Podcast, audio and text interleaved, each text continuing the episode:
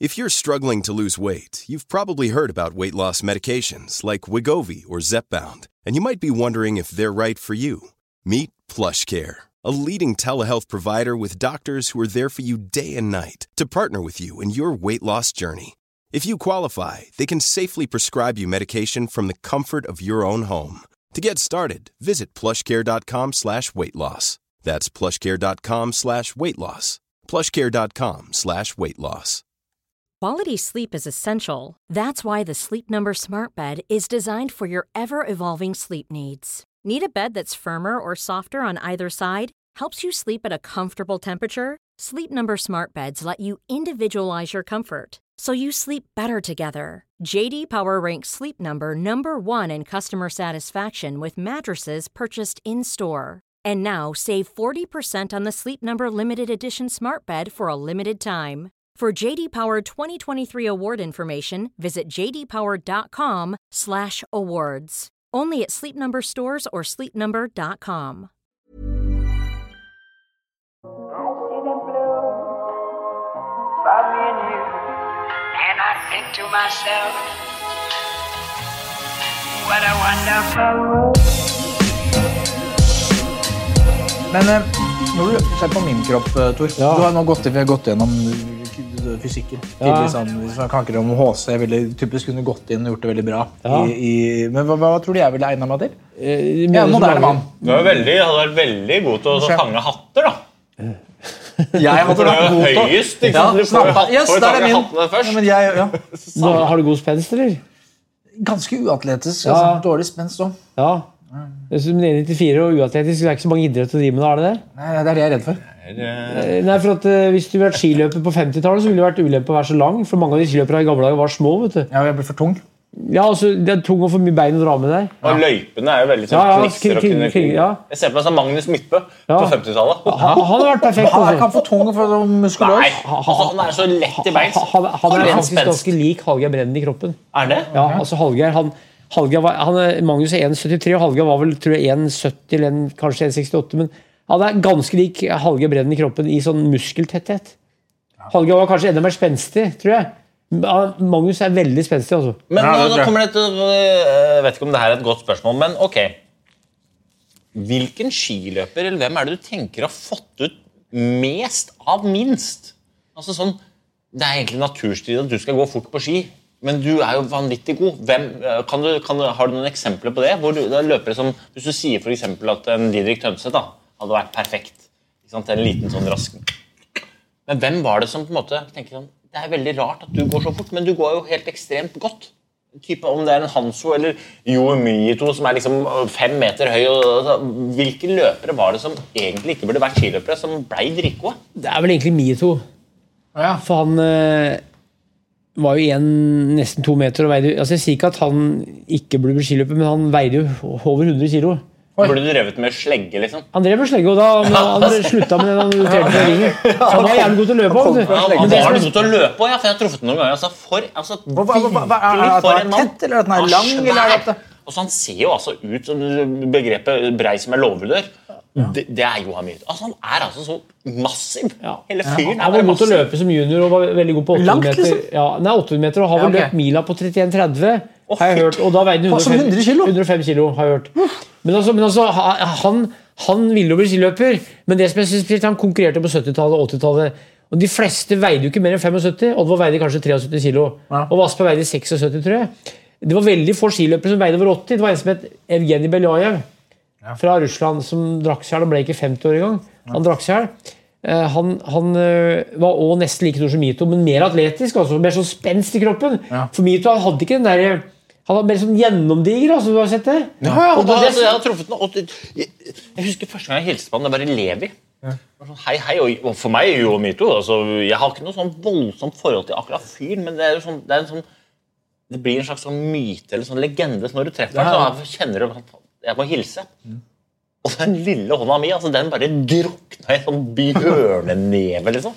Han bare sånn Oi, oi, oi. Han er så svær. Han veier nå 140. Han, han er det rart at kunne bli skiløper. og Du vet at Hadde han vært på 50-tallet, så kunne han sannsynligvis ikke blitt så god. Hvorfor ikke det? For, for da var det ikke oppkjørte spor. Nei. Han konkurrerte jo på Hadde mosa 70-tallet. sporet. Styrken Ja, han var han født i spille. 1949, og den første seniorsesongen han var 1970. og Da begynte det å komme scootere og sånn at det stavtaket For det er ikke bare løypa, det er også stavtaket. Ja. Han hadde jo, Stavet hans bøyde seg. Han hadde spesiallagde staver som var bøyd. Den hadde, da han skøyta, så hadde han han 1,80 eller 85 lange staver. Men han, han måtte få igjen for stavtaket og for eh, fraspark, og det kunne ikke gjort på 50- eller er 30-tallet. på en måte hardpakka og Du hadde en som heter Ola Unsgaard, Ja. som er far til Konan Unsgaard, som òg veide tror jeg, noen og 90 kilo. Han var vel kanskje 1,96 eller noe sånt. Han var god på 50-tallet, men han var avhengig av at det var faste spor. Ja. For at det varierte så jævlig. vet du, sånn som han, jeg sa han, Carl Kristoffersen som i 1913 staka en femmil, for da kunne du stave, for det var is. Eller, eller, da kunne du stake. Så var det hardt, så var det mange løpere som da kunne få igjen mye mer for kraften sin, og så var Mito. Han fikk igjen for kraften Ja. eh, og styrken gjennom forhold som da kom på 70-tallet. skjønner du? Så, så Mito er avhengig av eh, det å Han kunne sikkert klart seg bedre i dag, Mito, for i dag var det enda bedre forhold.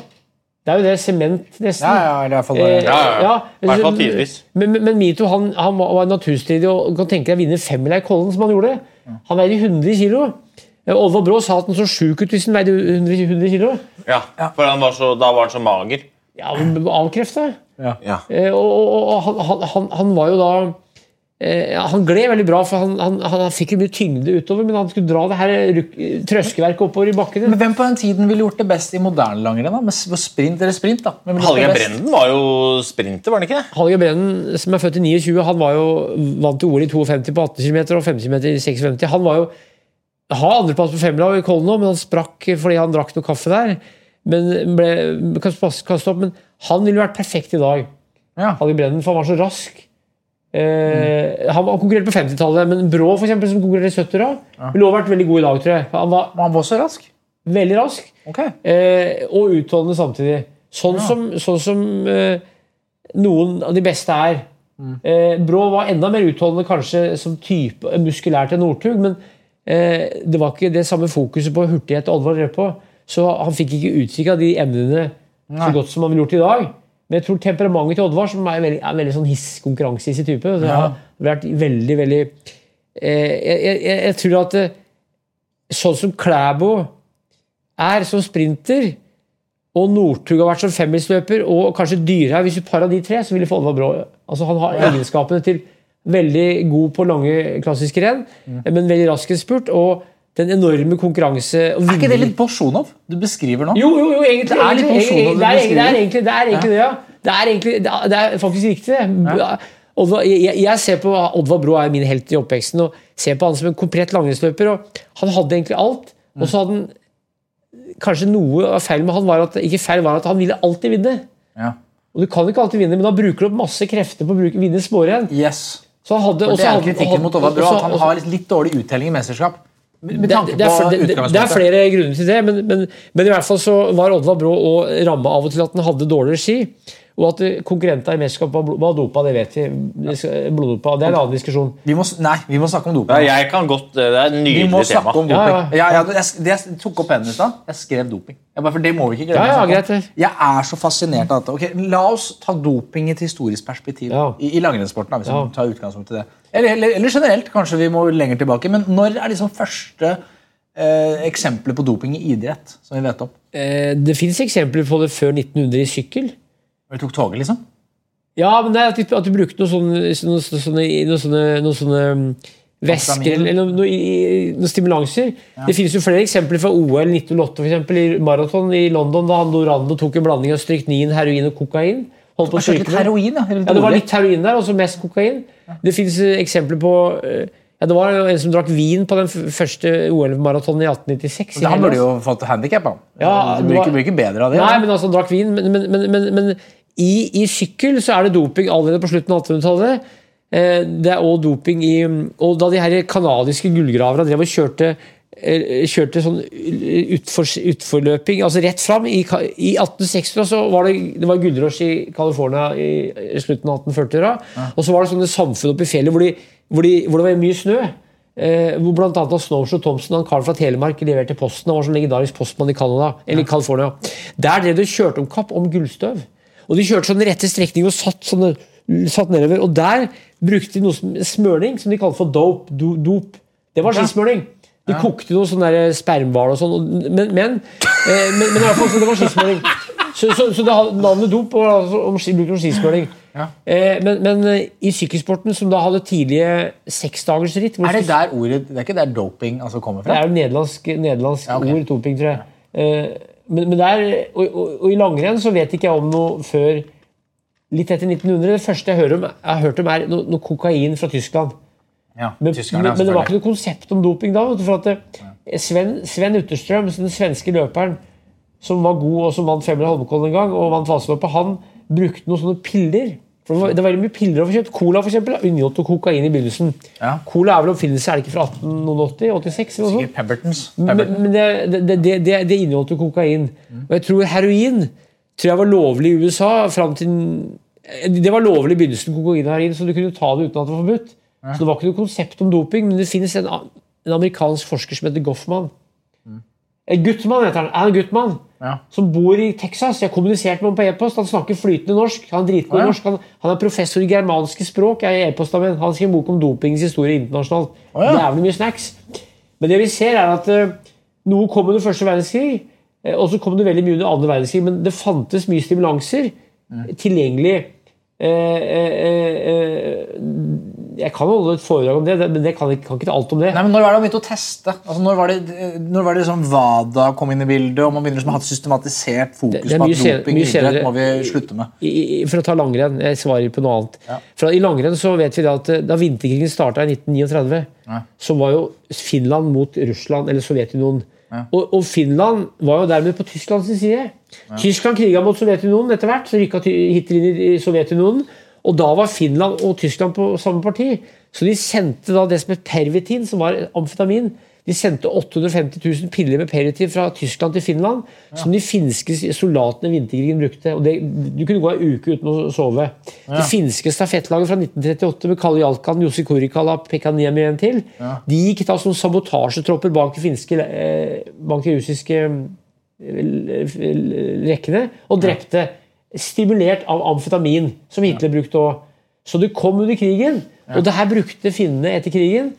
Eh, på slutten av femmila. De brukte den siste mila. Og det var, det var ikke forbudt før i 68.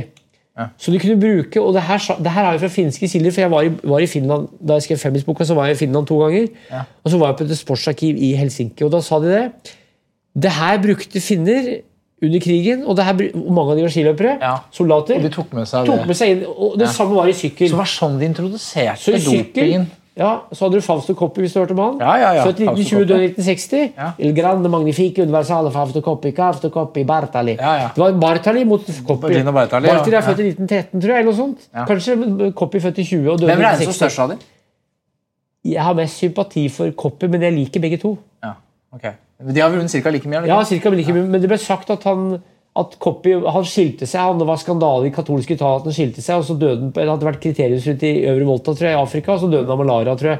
Men han var aldri noe annet. Han begynte som bud da han var 12 år, tror jeg, som sykkelbud. Baker for en baker og sykla hele livet. var 12 år. Men det var mye sykkel. Sannsynligvis i skøyter òg.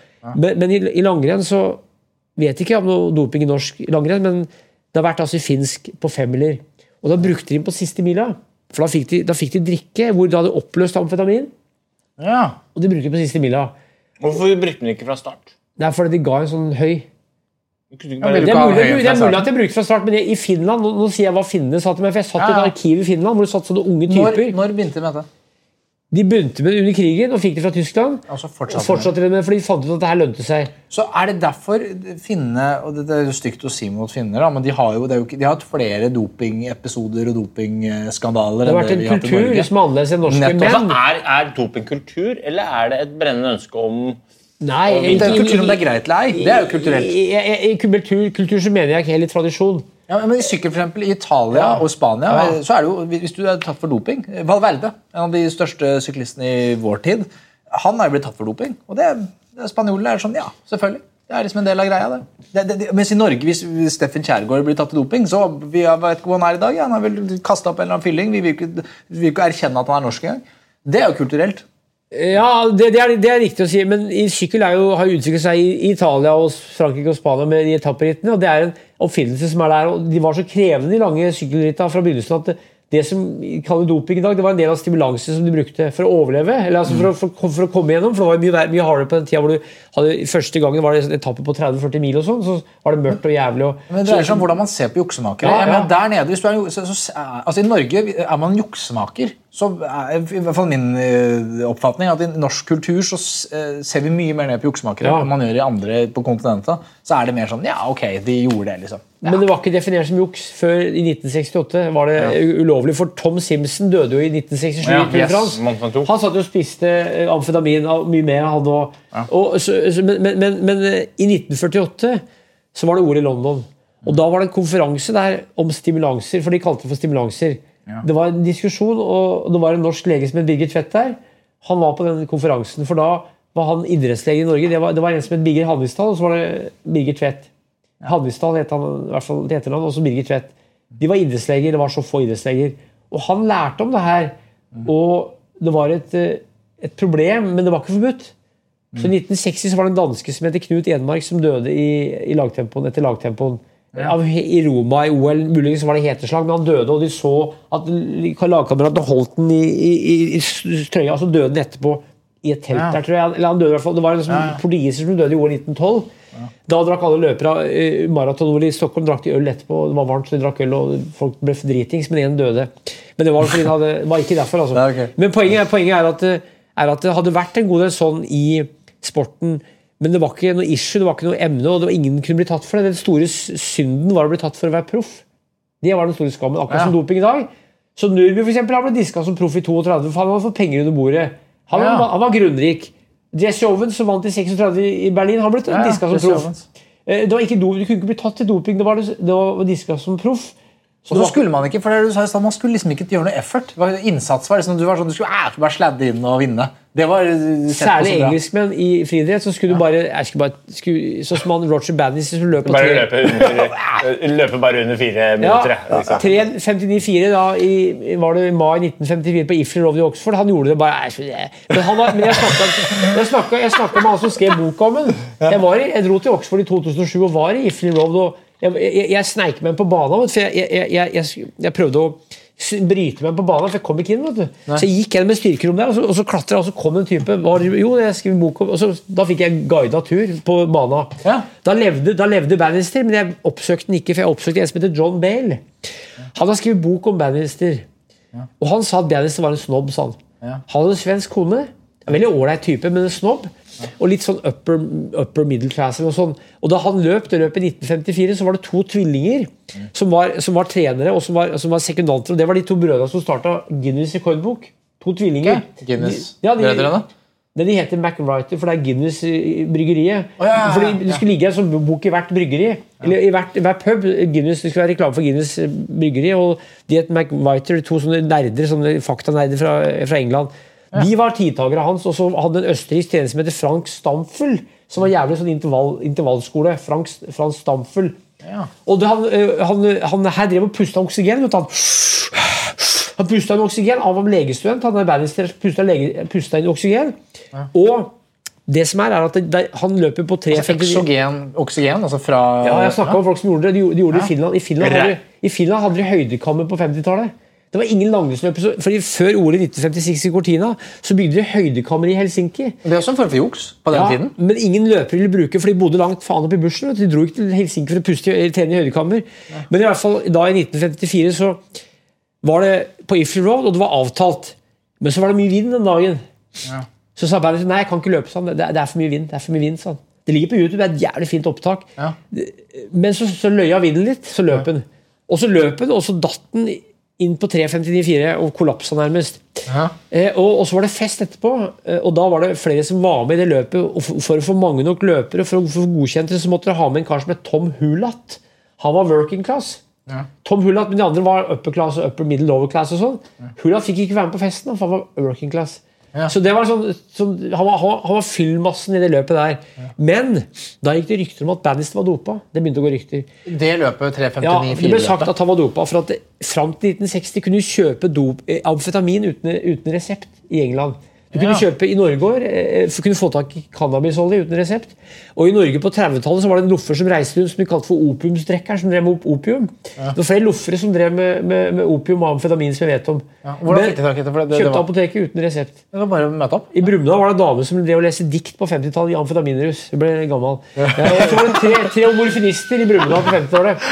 Eh, og én var NS under krigen. Ja, eh, har jeg hørt. Men i hvert fall poenget, poenget er at eh, da han løp det løpet i 1910, så gikk det rykter om at det var amfetamin. Ja. Og, og, og, og, og så har Bale, da, som skrev boka Bannister, han, han, han, han har hørt at Bannister har sagt at han har aldri hørt om amfetamin, og det er tull, vet du.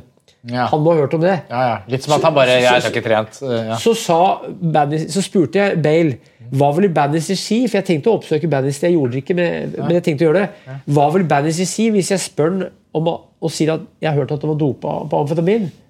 Da sa Bale følgende He will say it's absolutely rubbish. han. Så han mener at han ville avvise, men det gikk rykter om det. Men det er vel den klassiske Ja. det, For det svarer jo de samme utøverne. Altså, Ja.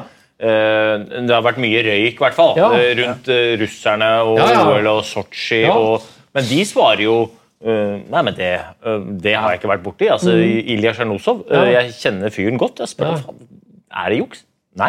Nei. Kjenner ikke til det. Nei, nei, nei. Og sånn, jeg kan jo ikke si om han har juksa eller ikke, men jeg kan jo si at jeg har jo sett denne dokumentaren på Netflix, og jeg har fått med meg litt rann, Det Det er er jo mye litt røyk. røyk. Det er mye røyk. Ja. Det er ofte ild. Men det det var sånn. ikke noe lov i, da i friidrett. Men f.eks. i 1956 Ja. så kommer russerne kom med internasjonal idrett på 50-tallet. for da hadde de Sovjetunionen hadde eh, hatt revolusjon i 1917, og så hadde de bygd opp et, et rike som var, hadde drept mange eh, Stalin hadde drept mange 30-åra, de var mektige, og så døde Stalin, og så kom det internasjonal idrett i 50-åra. Og da hadde de bygd opp et system hvor de kunne ha alet fram gode idrettsutøvere, og de hadde en slags doping. Og ifølge en som het Ernst Larsen, som var med i 1956 i OL i Melbourne og tok eh, bronse på hinder, så hadde han snakka med Emil Satopek, som da var verdens beste løper Satopek. i 52. Ja. Fortell Han- litt om Satopek etterpå. han, hadde, han sa det at eh, Satopek, Ernst Larsen sa til meg i 2007 at Emil Satopek hadde sagt til han i 1956 Ja. at Kots fra Russland, som vant, eh, vant av 25 000 der i OL i 1956, han brukte amfetamin. Ja. De sa at de brukte amfetamin, de som løp. Altså Russland brukte det, sa, sa, sa, hadde Satopek sagt til Ernst Så Larsen. Satopek hadde innrømmet at han også eh, drev Satopek, han tror jeg ikke dopa seg. ikke fra- Han tror ikke dopa seg. Okay. ok. Han kom fra Tsjekkoslovakia. Okay. Men, ja, men men, han hadde sagt til Ernst Larsen at, at russerne brukte amfetamin. Okay. Men det var ikke forbudt. Det blir kalt stimulanser. ja. Som, som kaffe så gir det en, en, en høy. Det var ikke forbudt, altså. Det var veldig mye brukt i sykkel, men også sannsynligvis brukt i løping. Men litt om Satopek. derfor Her henger ikke jeg med. Satopek er en legende. han han er jo en tsjekkoslovaker som da eh, begynte å løpe, og som ble da den beste løperen i verden. og han løp så stygt. vet du. For han hadde, han hadde, han hadde altså Det det så ut som han gikk gjennom skjærsilden hver gang. Hvis du tenker den engelske dama som hadde verdensrekord på maraton. Hun Dama som løp på to, var det ikke 2,16? da? Hvite dame fra ja. Hun, eh, Radcliffe. Ja, Paul Radcliffe ja, ja, løp jo ja. så, Ja, nei, så helt jævlig ut. Satopek var mye verre. Men hvis du, hvis du isolerer beina på Satopek, så ser du at han har beinføring som en, som en perfekt travhest. Ja. Så hvis du skjærer han eh, overkroppen, ja. og så driter i det her, så løper han helt perfekt. Jeg, jeg ringte kona hans, for jeg skrev bok om løping i Sverige, så ringte jeg kona hans, men hun svarte ikke i telefon, for hun bodde- bodde i Praha. Jeg skulle besøke ham, men han var død, hun levde. Men Satopek han, han var i militæret, og så hadde han en jævlig vilje, vet du, for han løp i sånne Runder. ja, Og holdt pusten og sto. Ja. Jeg, hørte, jeg hørte Ja. en historie om at han, eh, han sa det at han skulle løpe, og han ville trene, og han kunne løpe sakte, så han trente bare på å løpe fort. Og så, var det ingen, og så kunne han ikke noe om trening, så han bare satte sammen, så han løp fort. 400 meter ish av gangen, til det ble en maraton. Så han løp altså da 400 meter i 42 km. Og hvis noen hadde sagt det i dag, så hadde folk sagt at det går ikke. Men han visste det var ingen som sa det til han, så han bare gjorde det. Og så ble han bare dritgod. Og så holdt han pusten langs sånn, jeg løp langs en vei, så holdt han pusten for hver sånn, sånn lysmast. Hvor, hvorfor er det, er det, men er, er, det noe vitenskap som har Det bevist det at det er smart? høydetrening. høydetrening Han løpe får litt mindre tid. oksygen, ja. Ikke sant? Han holdt pusten, og så, drev mye med intervall. Så han kunne ha opptil 120 400-metere. Og en som heter Jakob Kjersem, som kom fra Tresfjord, som født i 1925, som jeg besøkte i 2005 og 2006. Jeg var hos ham en uke, for jeg skrev en bok om skifabrikker. Han, han var med i OL i 1952 på maraton. Han kjente Satubek. Han snakka med Satubek, og han løp maraton i 1952. Jakob løp 10 000 meter i 48 i OL av London. Da han, mener Jakob var med på var med sammen med 10 000 meter som Satubek i 48 år. og Han har snakka med Satubek. han var en veldig grei kar. Han, han snakka mange språk, Satubek. Han var sånn Du ser trynet på han, så var han så helt jævlig ut i trynet. Men, men han, han var en veldig vennlig type. og så var han sånn, sånn urkraft. Jeg vet, jeg vet ikke hvem jeg skal sammenligne med, men han var sånn type som Percival Cerruti, som var trener for Herb Elliot. Som da vant OL i 1960, som egentlig Jakob Ingebrigtsen er ganske lik som type. For han vant OL i 1960, og da var han født i 1938. Han var 22 år, 21 år som Jakob er nå. Han la opp i 1960. Han ble trent av Percy Welser Rutty, som var født i 1895, som da var en løpetrener og, og løper fra Australia. Som var i OL i 52 i Finland. Tok båten fra Australia og dro til Finland for å se OL. Han vant jo tre OL-gull i Finland. gjorde Ja. ikke? Altså 5000, Satopek. 10 000 og maraton. Ja. Jeg hørte når han løp Ja, maraton, så stilte han seg opp i maraton, og så løp han bak en amerikaner som var den beste. Og så ca. cirka halvveis i løpet så hadde han amerikaneren åpna hardt, for han var livredd Var for. Var det kanskje engelskmann? Var det det? Ja, og så hadde han løpt opp på siden og spurt Ja. denne fyren om har du tenkt å holde denne farta helt i mål. Og så hadde han engelskmannen, vel vitende om at han hadde åpna hardt, sagt liksom ja. Og da hadde Saltbekk i hvert fall etter sigende sagt ja. ok, men da øker jeg farten litt grann nå. fra noen vinner. ja. Nei, sånn, det er helt rått. Apropos det treningsregimet, jeg, jeg, jeg, jeg er veldig fascinert av nesepusting. Ja, ja. Og jeg har hørt om at noen mye trener med med at de fyller munnen med vann.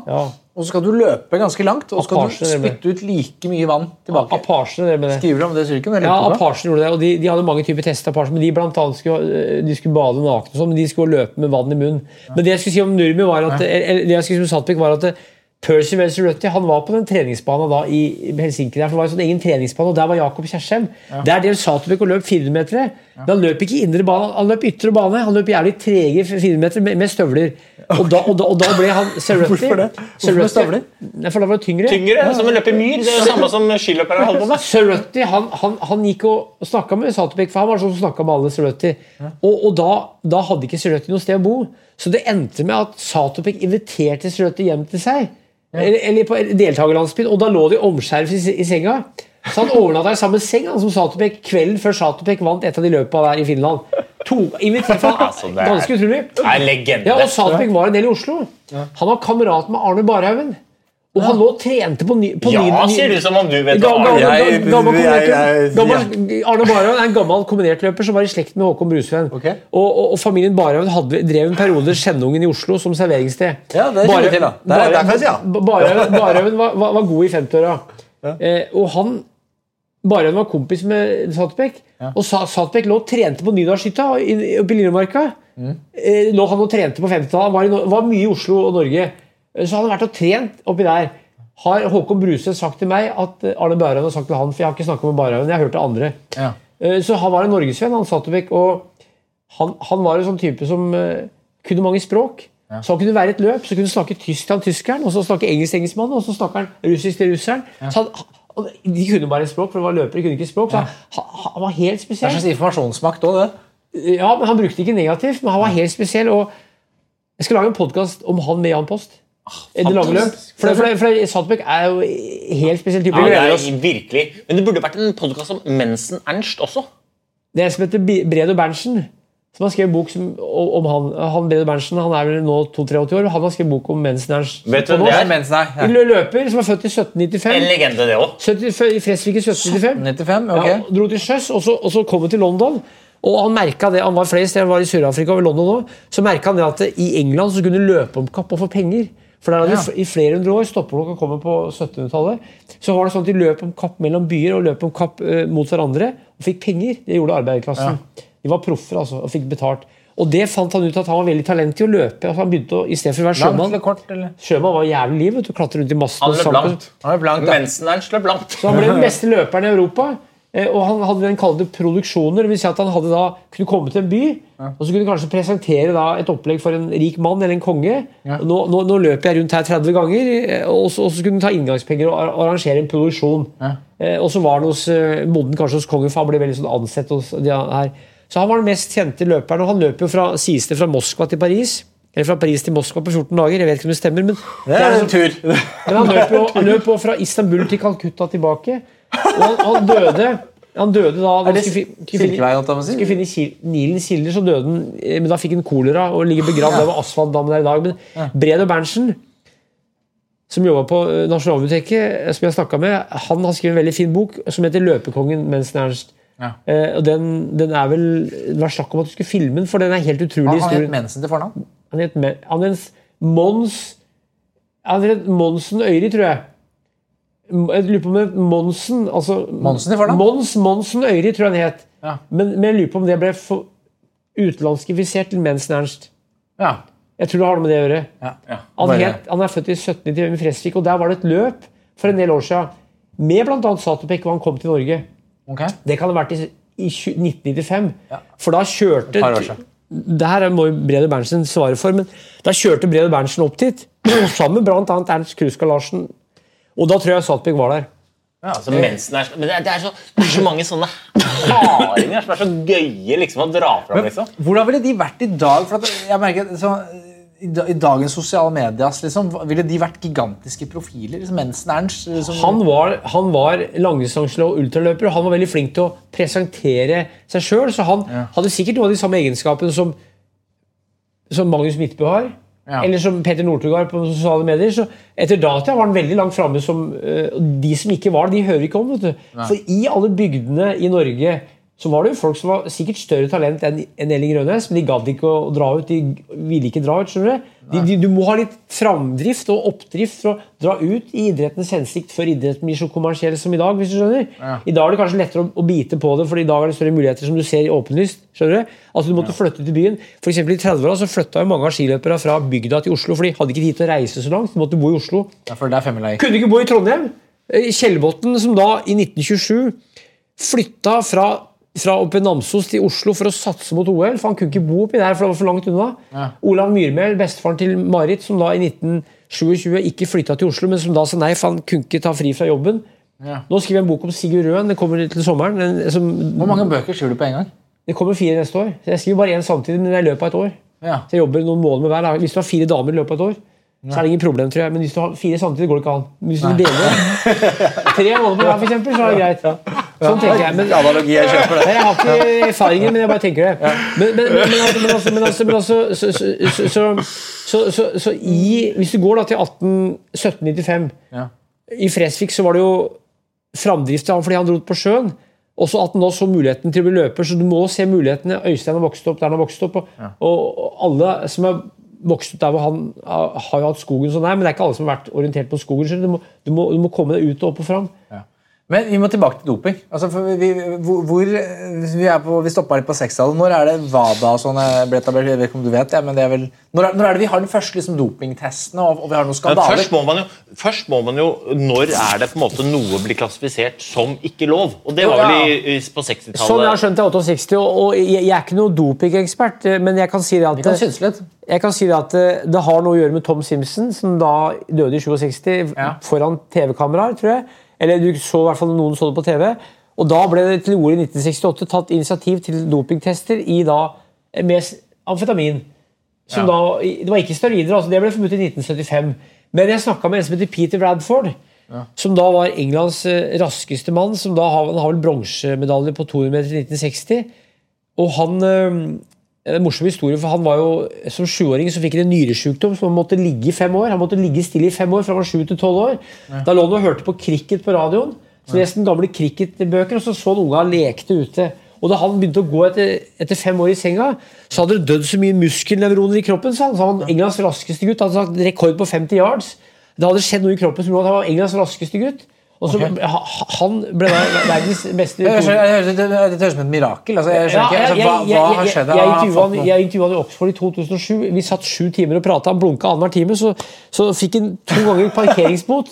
Han blunka annenhver time. Og, og, den mest intense personen jeg har møtt. Han, han blunka annenhver time, så ringte kona og spurte åssen går det går. Jævlig bra, sa han. Og så fikk han to parkeringsbøter, for han glemte å betale parkering. Han fikk to parkeringsbøter. Jævlig interessant type. Professor borti Oxford der. Jeg, jeg dro over og besøkte han. Han ga seg med friidrett. Det var poenget, da, for han var født i 37, var 23 år 1960. Han ga seg med friidrett fordi det kom doping i sprint. Og da er vi i Ja. 1960. For det- Han sa det, at i 1960 så trodde han ikke det var så mye doping. eh, Muligens litt, men i sprint Hvem var det som dopa seg da? Amerikanere. Amerikanske kulestøttere. Ja. Det kom russisk, I 50-åra så kom det steroider i Russland Ja. og i USA. Russ kom på 50-tallet. Eh, testosteron det var syn- syntetisert under krigen. Det var brukt av mye av soldater. Eh, Det var nok syntetisert litt før krigen, og så ble det bruk under krigen. For krigen fører til en teknologisk eh, revolusjon. Du fikk da f.eks. metallski under krigen. Det, var, det var Flyindustrien som ble utvikla under krigen, gjorde at du kunne lage ski av metall etter krigen. Head, for eksempel, det var metallski som var utvikla av, flyteknologi. Og, og, og det kom også testosteron, som Hitler brukte, som soldatene brukte for å, for å bli helbredet seg raskere etter skader. De tok, eh, Og for å bli, for å bli gærne, de tok amfetamin. Te testosteron så blir de helt gærne. Fryktløse. Miste all mot. Er du 20 år og fryktløs fra før, gi de testosteron og amfetamin, så blir de helt gæren. Og det var da begynte idrettsfolk å bruke da i kroppsby kroppsbyggerkulturen. Steve Reeves, for eksempel, som jeg tror ikke han var dopa, men det var kroppsbygger som, en, som het John Greenback. Jeg har lest kroppsbyggerens historie. jævlig sagt det. Begynte å bruke, og, og styrkeløft og vektløft. 50-tallet. Og sprintere. Og så har du da amfetamin i sykkel.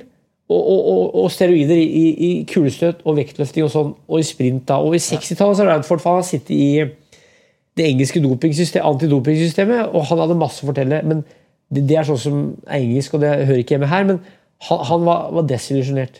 Ja. For han har sett deg på nært hold som sprinter og sett konkurrenter. Men ok, så 68, så, eller ish der, så Ja. begynner det å bli ulovlig. Og så 70-tallet eh, doper man seg da. Hva, I hva doper man seg? 1975 så var steroider forbudt, og i 1972 så vant jo Leif Jensen fra Fredrikstad vektløfting i OL. Og han har senere innrømt at han fikk da anabole steroider eller doping av en lege. Ja, ikke sant. Og- Men det var ikke ulovlig på den tiden. så sånn sett var det ikke, Det var ikke lovlig, og En som heter Ricky Bruch, hvis du har hørt om han, svensk diskoskaster, verdensrekord i diskos fra Malmö, han, han står fram i avisa som, som bruker av, av steroider som ikke er forbudt. Noen norske kastere de står fram og sier at det vil vi ikke ha, men han brukte det åpenlyst. Det var ikke forbudt. Nei, for Det er jo et klart skille, mener jeg, da, i idretten. Ja. Man liksom, det er jo ikke doping hvis ikke det er forbudt. Uh, og så kan man jo godt si at det ble Uetisk. forbudt senere. Ja, men Det er jo ikke uetisk hvis du følger reglene. Så, men, men du kan godt si at hvis du, hvis, du på, hvis du bruker noe som ikke er forbudt der og da, så er det ikke lov. Men så kan man se på det i retrospekt og si at det var jo doping. Men det er bare fordi at det da har eh, spillereglene endra seg. Jo, men, okay, men da, da, her, Diskusjonen blir jo da Dette er sånn Team Sky og så videre har fått kritikk for nå. Da? At du, du ligger så i fronten. De bruker så mye ressurser på ting som ikke er å altså Hvis du skal bli best til å sykle, så er det, ja. det er naturlig at du, du trener og du sykler. Du, Ja. driver med sykling. Men hvis du bruker 50% av tiden din på laboratoriet for å knekke, klekke ut ting som ikke ennå har blitt ulovlig, som vi kan skyte inn, som vi vet blir ulovlig om ett til to år, når de finner ut hva vi driver med, så vil jeg si at er det etisk? Da kan man i hvert fall ta til spørsmål om det er etisk eller uetisk. Ja, men, men, så, men det, det er forskjell på det, Disse her da bruker eh, disse preparatene De har jo ikke en haug av forskere som sitter og klekker ut disse. De tar bare de tingene som finnes tilgjengelig på markedet. og hvis de ikke er Det er jo forskjell på det og på aktivt lage noe som i fremtiden vil bli. Pluss at det som jeg snakker om nå, det tidligere doping, den er lagd, for eksempel, De lagde medisinsk testosteron som er brukt eh, av flere. Det var jo mannfolk som tok som merka at det ble forringa. Eh, Det ble solgt som, skulle selges som sånn. Det er ikke så lenge siden jeg leste boka til han Gutman en gang til. for jeg har en jævlig artig bok om Hvor er den fra? Det er han amerikaneren som, er, som bor i Ja, Texas. Når er den fra? Boka fra? Fra tidlig 2000-tall. Ja. Jeg er ikke gammel, det er jævlig interessant, men det er veldig detaljert. altså det, er så, det går ikke an å lese den, for det er så jævlig mye informasjon. Ja. Det er ikke så mye fortellinger, sånn som jeg driver mer sånn hardpakka informasjon hele tida. Men, men da, da altså har du det her, den bolen som var til sånne okser, hvor hvor de brukte det i dyreindustrien. Så de tok de som var. Altså, og, mens det senere har du kanskje mer doping som er sånn sportsspesifikk, hvis du skjønner. Ja, ja, ja. At du tar det som fins. Skjønner du forskjellen? Ja, mitt inntrykk er at, jeg- at man har noe som er mer på altså I noen idretter så ønsker du ikke så mye masse. ikke sant? Du ønsker å bli, altså, I Ja. vektløfting så blir sterk Ja, ja. eh, relativt til kroppsvekt. Og da er det vel noen sånne strains som er mer mot det. det, det som som er litt forskjell er at eh, I Øst-Europa så hadde du statlige systemer som drev med det her. Du har det vel, de hadde det fram til 2014, i hvert fall. Om ikke de har det fortsatt. i, I USA så var det jo kapitalismen som gjaldt, og i Sovjetunionen så var det kommunismen. Og I USA så var det jo det frie marked. Der var det her Hadde du penger, så fikk du kjøpt det. I, i Sovjetunionen så var det systemer hvor staten organiserte på forskjellige måter. Det samme i Øst-Tyskland. Og Der fikk du veldig mye forskning på det tidlig i Øst-Tyskland. På doping og ulike typer doping. så der var nok, De var nok langt framme. Men jeg tror russere allerede på 50-tallet, eller Sovjetunionen, var framme. Men, men, mens, da, i, mens det da i Vesten var kanskje litt mer sånn skyggevirksomhet. Ikke så, ikke så systematisk. Hvis du da ser på, hvis du ser på Sotsji da, og Ja. russ, russerne der Ja. med historiske briller, eh, hva tenker du om den saken da? Ja, altså jeg har jo sagt det sa det senest i går da jeg snakka med Torgeir Bjørn. eh, og, og, og, og om, om noe helt annet, men jeg sa det i en bisetning, så sa jeg at eh, fra gammelt av Hvorfor skulle du sende utøvere til mesterskap som var udopa, når du har så mange dopere og utøvere å ta av? Hvis du skjønner? Fordi, fordi jeg har en tradisjon fra gammelt av. Jeg sier ikke at det bare gjelder Sovjet, men en del land hadde en tradisjon for at det, hvis du skulle være med i mesterskap, så testa de på forhånd. Altså, du hadde så mye sånne remedier du kunne bruke, eh, som var et statlig system. Og, og, og da sendte de som var mest preppa og best preppa. Det har jeg snakka med tysk, det her har kommet fram om Øst-Tyskland. i hvert fall Øst-Tyskland var jo spesialist med sånn. Men, men hvis vi ser på Sovjetunionen, så har de en lang tradisjon. Eh, og, og, og det er ikke mange som er tatt i doping i Sovjetunionen før 1980. For eksempel 19, 1990. Nesten ingen. Men hvis man går til liksom i nyere tid, 80-tall og Ja. 90-tall og, og sånn De var jo dopa, disse russerne. Sovjeterne. De, de må det jo ha vært. Sannsynligvis Ja, men Vesttyskere og sånn òg var jo det, og østtyskere og Det var jo mye grums. vi, vi i, hvilken idrett tenker du langrenn? tenker? Langrenn, hvis du Ja, litt ekstra ligger, I, det var i, lang- langrenn, i så, så regnes det med følgende at det, at det var eh, At det var sannsynligvis doping i eh, Bloddoping av i 60-åra, det ble, det ble jo ikke forbudt før på 80-tallet. Du kunne ikke teste før lenger senere. Og det De er sliter jo, fortsatt med å teste det. jeg vet det, og, og, og, og bloddoping kom da, og så brukte det Sies det i Finland at de brukte testosteron og, og sånn for å tåle mye trening. At Ja. de, brukte det om sommeren. Ja, Offseason. Off ja. Eh, og det gjorde de i østblokken òg. De, de gjorde det systematisk. og det har lest at eksempel Valdemar Serpinski, som vant OL i 1976 og 1980 i maraton, han brukte det. Testosteron. Så, som en slags medisinsk greie for å tåle mer trening. Og, og, det, det, det, så har du bloddoping, og så har du da og Det har du i Finland òg, at det er brukt sånn i slutten av 70-, begynnelsen av 80-året i langrenn. Og så har du da Epon som kommer på 90-tallet.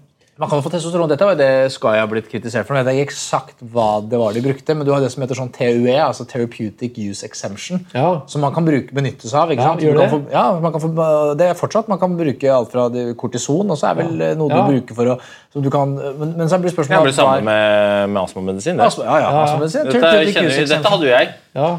Eh, hvis, men da, må du, da må, er det en sånn slags test du må gjennom for å så bevise at du har behov for det er å holde på for å ha Ja, ja. ja, Ja, ja. det er bare å kjøpe Legen kan jo kjøpes uh... Ja, det kan du sikkert. Det, det, det, vet jeg ikke. Men er det, er det naivt å tenke at eh, det blir rydda opp? Altså, sånn, jeg forholdt meg jo til dette som utøver. ja. Og det var sånn, det var umulig å gå rundt og så mistenke folk. Kan du ikke det? Nei, altså, for, det, det Det vekk, for, det første så, for det første så tar det vekk mye av gleden. Men for det andre så tar det vekk òg det derre eh, trua på at du faktisk kan prestere og hevde deg. da. Hvis du tror at alle jukser, Mm. Ja, og vet hvor mye du legger i det selv, så på en måte, så det er jo grunnen til at det, hvert fall jeg opplevde det som vanskelig å prate om når jeg holdt på, og jeg tror at utøvere opplever det vanskelig, for de har ikke lyst til å forholde seg til det, egentlig. Selv om det er mye røyk, så tenker de mm, Men er det naivt å tro at det ryddes opp? Altså sånn, for eksempel finsk langrenn, de har jo gjort eh, Etter eh, VM eh, i Lahti 2001 så har de hatt en fantastisk oppryddingsprosess, men er det naivt å tro at det er borte? Jeg tror i hvert fall I Finland så tror jeg ikke det er noe doping nå. men Det, det var jeg naiv og tror det. Men jeg, jeg tror ikke, jeg, jeg tror ikke finnes langrenn. Russland i dag. Nei, altså, jeg vet ikke, for at eh, jeg har jo vært bare én gang i Russland, og jeg skal ikke si at jeg skal ikke dømme det landet etter det, men, men, men, men, eh, med en så lang tradisjon så er det i hvert fall godt gjort hvis de klarer å også fjerne den med en gang. om natta. Østerrike. Nei, det, det, er, det er jo ikke noe Teresa Schatlover. Nei, nei altså, jeg, jeg vet ikke, for at det, hvis det kommer nye folk inn i systemet, men hvis systemene fungerer som de har gjort før, så det, er, vanskelig å si. Altså, men, For Det er, det, er- det er et innmari godt poeng. Da, for Én en ting er jo de utøverne som er der, men så det er jo det systemet som er problemet. Og det er sånn, I Russland altså, Nå husker jeg ikke selvfølgelig navn på denne treneren, men Bora, jeg har Bora sett den samme treneren liksom i hele min karriere, og jeg ser ham fortsatt Ja, ja. figurerer i bakgrunnen. Og det er liksom Samme sykkel. Det er samme sykkel. det der, og er, jeg, i, I 2010, jeg gikk OL. eh, I finalen så tråkka det en kasakhstaner meg på høyresida. Aleksej Poltoranin. Fyren ble tatt for bloddoping i Seefeld-VM. Jeg må jo være ærlig og si at jeg har tenkt tanken på Hvis han juksa da, så er jo kan jo hende han juksa ja, i 2010 òg. Og jeg vet jo hva som skjedde med de to andre russerne som kom på pallen. Ja, ja, de har ikke gått så innmari mye skirenn i OL eh, etter 2014. Nei. Det er, det er altså, men, men jeg, jeg, jeg, tror dette, jeg vet jo det er vanskelig for Nei, deg nei, å snakke om det er, det, grunnen til at det er vanskelig, er fordi at man kan jo ikke si de Har er dopa. bevis. Nei, for de har Det er mye røyk. bevis. Altså, sånn, ja, og det er jeg jo ærlig på. Det er masse røyk. Og jeg, hva jeg tror, er jo ganske åpenlyst. Ja. Men det spiller ikke noen rolle hva jeg tror. Det vi hva jeg kan bevise, det er jo det, som, det, er det vi forholder oss til. Men, men eh, hvis man tar, går tilbake i 90-tallet og sånn, da, sånn Prokurorov, Vi snakka om Prokurorov i stad. Må jo ha vært dopa. Vi- Smirnov, selvfølgelig var han dopa. Altså, Jeg vil jo tro det. Jeg har ikke spurt det. Altså, jeg, jeg vet ikke, men, men jeg, jeg, jeg tror for eksempel ikke at Borsone var dopa. Jeg tror at han er sånn Jeg, jeg, tror jeg han, håper det, jeg tror han er sånn ursterk. Jeg tror han er sånn ursterk altså Når han blir så god så tidlig, tenker jeg ja, jeg, tror han jeg håper og tror at han er sånn ursterk skiløper som, som, som er, er en, bare en veldig bare bra Men Lekov og altså. Vi snakka om de i stad. Eh, De kan jo si at de har ikke blitt tatt, de har ikke innrømmet, de har ikke innrømmet det, men de har blitt tatt. Altså, det, vi må jo bare kalle en spade for en spade. Det er, det er jo på en måte, det er såpass godt bevist at man nå fratar Russland muligheten til å delta i OL. Fordi man mener at vi vet har bevist at det er et statlig system for doping. Og man har jo funnet noen sånne prøver som bl.a. har Lekov sitt navn. Jeg vet ikke om Tsjernozov sitt navn, men sannsynligvis. da, eh, Hele gjengen. Eh, Er, er, og Lekov gikk jo når du gikk, han. Gikk jo mot deg. Ja, ja, ja. Jeg har gått, mot, eh, jeg har gått eh, hele, holdt på å si, hele livet mot Legov. Det har jeg ikke. Men jeg gikk jo junior-VM mot disse gutta. Evgenij Dementjev, som ble tatt for doping, som vant OL 2006. Ja. Gikk mot han. Det er jo den samme gjengen. ikke sant? Så hvorfor skal noen Apparatet gjøre det Ja, for jeg tror ikke de gutta i seg selv De trente mye med Pankratov. Nikolai Pankratov. Ja, ja. Han flytta til Lillehammer, ble en del av et norsk team, trente sammen med de. Gikk noen måneder, reiste tilbake til Russland, ble tatt for doping. Ja, Dopa til gjeldende. Ja, så Han jobber som uh, refleksvest et eller annet sted i Moskva. For Han er jo Ja, ja. så dopa at han er selvlystende. ikke sant? Han, det, er jo, det er jo systemet, det er jo ikke guttene. For det var jævlig altså Pankratov var helt suveren gutt. han. Østerrike synes jeg er spennende. Han er, hva heter han? Alois Schatlobber. Han pappa Schatlobber. Ja, Alo- ja Alois, Ja. hva for noe? Men, men i de så for å komme seg opp i de systemene, så må du gjøre som systemet har gjort. eller gjør. Ja. Og du har ikke sjans uten. Og Vi hadde en diskusjon hjemme i huset mitt om det der i går. og da er Det sånn, i det gamle østtyske systemet ble det tatt ut for eksempel, da, fra, fra et område ble det tatt ut tre gutter til å gå videre på en spesialskole for eksempel, i en eller annen idrett. for det var sånn at det var. Og Hvis du ikke da gjorde som de sa, så, så, så, så kom du ikke videre. Nei, altså, Fra, fra, tidlig, altså, fra tidlig alder ble du ala opp i det her i systemet med doping. Hvis ikke tok det, så det, det var det bare å kom, det var kicka ut, altså. Ja. det, og det er, det er, alle hvis man synes det er behagelig å snakke om doping i Norge, det er jo noen norske som har blitt tatt i doping i sykkel. Eh, Vi snakker jo ikke så jævlig høyt om det. og noen av det, Derfor synes jeg det er så synd at med Steffen Kjærgaard Vi har veldig lyst til å få ham på uh, podkasten, fordi det hadde vært gøy å snakke med ham om disse tingene. her. Jeg mener jo at han har blitt så urettferdig hardt dømt av, av opinionen da, fordi at vi har et eller annet sånn der skinnhellig forhold til juksing i Norge. At ikke vi skjønner eh, at ikke man skjønner, For det er jo en grunn til at dette er unge utøvere. De, de er kanskje 18 år når de begynner å dope seg. De er, de er 18 år, ja, de, altså man, man, de, har via hele livet sitt fram til da for at de skal bli best i et eller annet. Så får de beskjed om at dette er oppskriften. Gjør dette. Og så får de også beskjed om at alle andre gjør det. Og så hjernevaskes man til at dette er ok. Og så begynner man, og, så er det, er man, og da er du pass of, point of no return. Da må du bare stå i det. Så jeg, jeg tror, og det er altså vanskelig å vite hva, man har gjort selv, men jeg kan relatere meg til jeg tror den situasjonen man sto i. Og det tror jeg er litt sunt at den norske befolkningen eh, gjør, da, før man dømmer noen og nagler dem opp til korset. Men uh, nå ble det veldig Det er mye veldig- doping. Det er veldig mye doping. Uh, vi, hva, hva annet var det vi, vi, vi prata om i stad som vi ville innom? Vi- Du, før vi jeg dro inn på doping, var det en annen, et annet tema vi ville ha med deg? når vi først har deg? Som jeg snakka om. Ja, du var vi var i gang med noe. Det var ikke løping. Nei. Nei, det Vi var prata om mensen, Ernst og sånn. Men jeg tenker jo at det, altså, jula varer helt til påske, men folk har jo ikke helt til påske med å høre på. Nei, det er godt poeng. Vi kan poeng. jo si at vi bare runder av, kaller romjula for romjula, og at det nå nærmer seg noe annet. Så vi må jo invitere Vi må ha deg tilbake, tilbake, for jeg hadde en ting til. Men Jeg, jeg tenker at, eh, at vi har snakka om ca. 0,1% av det jeg kan si om langrenn nå hittil. Ja. Det har vært, det har vært, det har vært litt lite. Men det er Nei, nei, nei, nei, nei, men altså, Nå har jeg sagt 0,1% av det jeg kan si om langrenn. sier jeg. Ja, men da har du jo mange like, episoder igjen. Ja, Hvis du vil, så for det er mye mer å prate om. Ja, ja. Ja, men det er jo Jeg er helt sikker på at eh, eh, de som lytter altså Noen av de har dette, ja. Noen av de datt av først. Først når du begynte med det var noe greier av hvor du var født, og jeg datta med en gang tenkte sånn Nå må folk sette seg ned og så høre en gang til, og så tegne noen kart og noen streker, så de får litt oversikt. Ja, det er mye folk. Men, men de som hører på fortsatt, de gleder seg til neste episode. Det, det er overbevist. Ja. Men kan jeg stille et siste spørsmål? Ja, Hvordan er det Godtåsen feirer jul, da? Ja, altså, jeg er jo vokst opp i Brumunddal og drar dit, så jeg er der, i- pleier å være der ca. åtte dager. Drar dit jul julaften, går skitur sammen med gutta. Vi har masse kamerater som går på ski julaften. Ja. Klokka ti møtes vi på Vollkoia, som er da like ved, like ved der Febla gikk i 2007. Ja. Så går vi en runde og møter gjerne Ole Elveseth. Vi møter ofte Hilde GP, som er ute og trener på julaften. Og så, nå er jo foreldrene mine borte. Jeg har overtatt et hus, kjøpt et hus faktisk. Kjøpte søsknene mine på et hus der. Så jeg er i Brumunddal og går på ski og jobber og møter gamle kamerater eller kjentfolk. Det er mer å være på landet eller være utafor byen. Det er jo en by, det òg, men så jeg er i Brumunddal og tar det med ro. Ikke, Hva, hva spiser du på julaften? spiser skinkesteik med, med, med ja, gris, altså. Også, også og Ikke ribbe, men Ja, skinkesteik. skinkesteik, ja. Ja, det er Surrer, med, med kjøtt. men Ja, det er jævlig godt, det. Altså, Ja, ja, ikke, ikke, ikke hver dag, altså. Ikke hver dag, men hvis du spiser av og til. Nei, så går vi, prøver vi å gå en lang skitur første juledag. For da, da går vi på ski. og så Skiløping er viktig, og skitur hver dag. og øh, De fleste jeg kjenner vet du, som er vokst opp der, som var kamerater med meg, de har flytta tilbake. Ja. Så det er egentlig bare én av de som ikke flytta, eller vokste opp sammen, som er kompis som, bor, som ikke bor i området rundt Mjøsa der.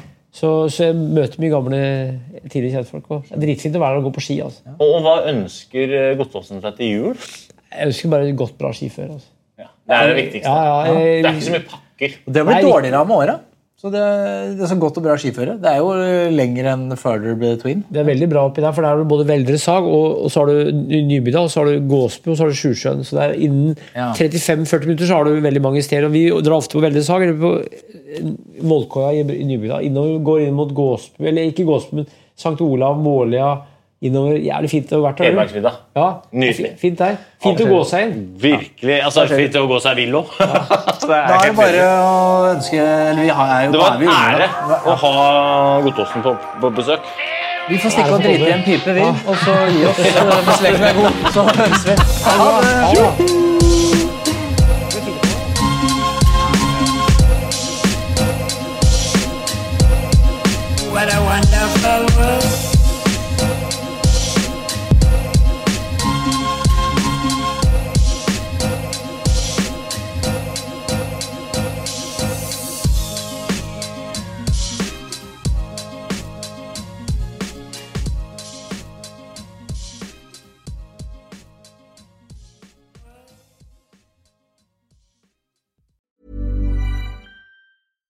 Hey, it's Paige DeSorbo from Giggly Squad. High quality fashion without the price tag. Say hello to Quince. I'm snagging high-end essentials like cozy cashmere sweaters, sleek leather jackets, fine jewelry, and so much more. With Quince being 50 to 80% less than similar brands. And they partner with factories that prioritize safe, ethical, and responsible manufacturing. I love that. Luxury quality within reach. Go to quince.com slash style to get free shipping and 365 day returns on your next order. Quince.com slash style.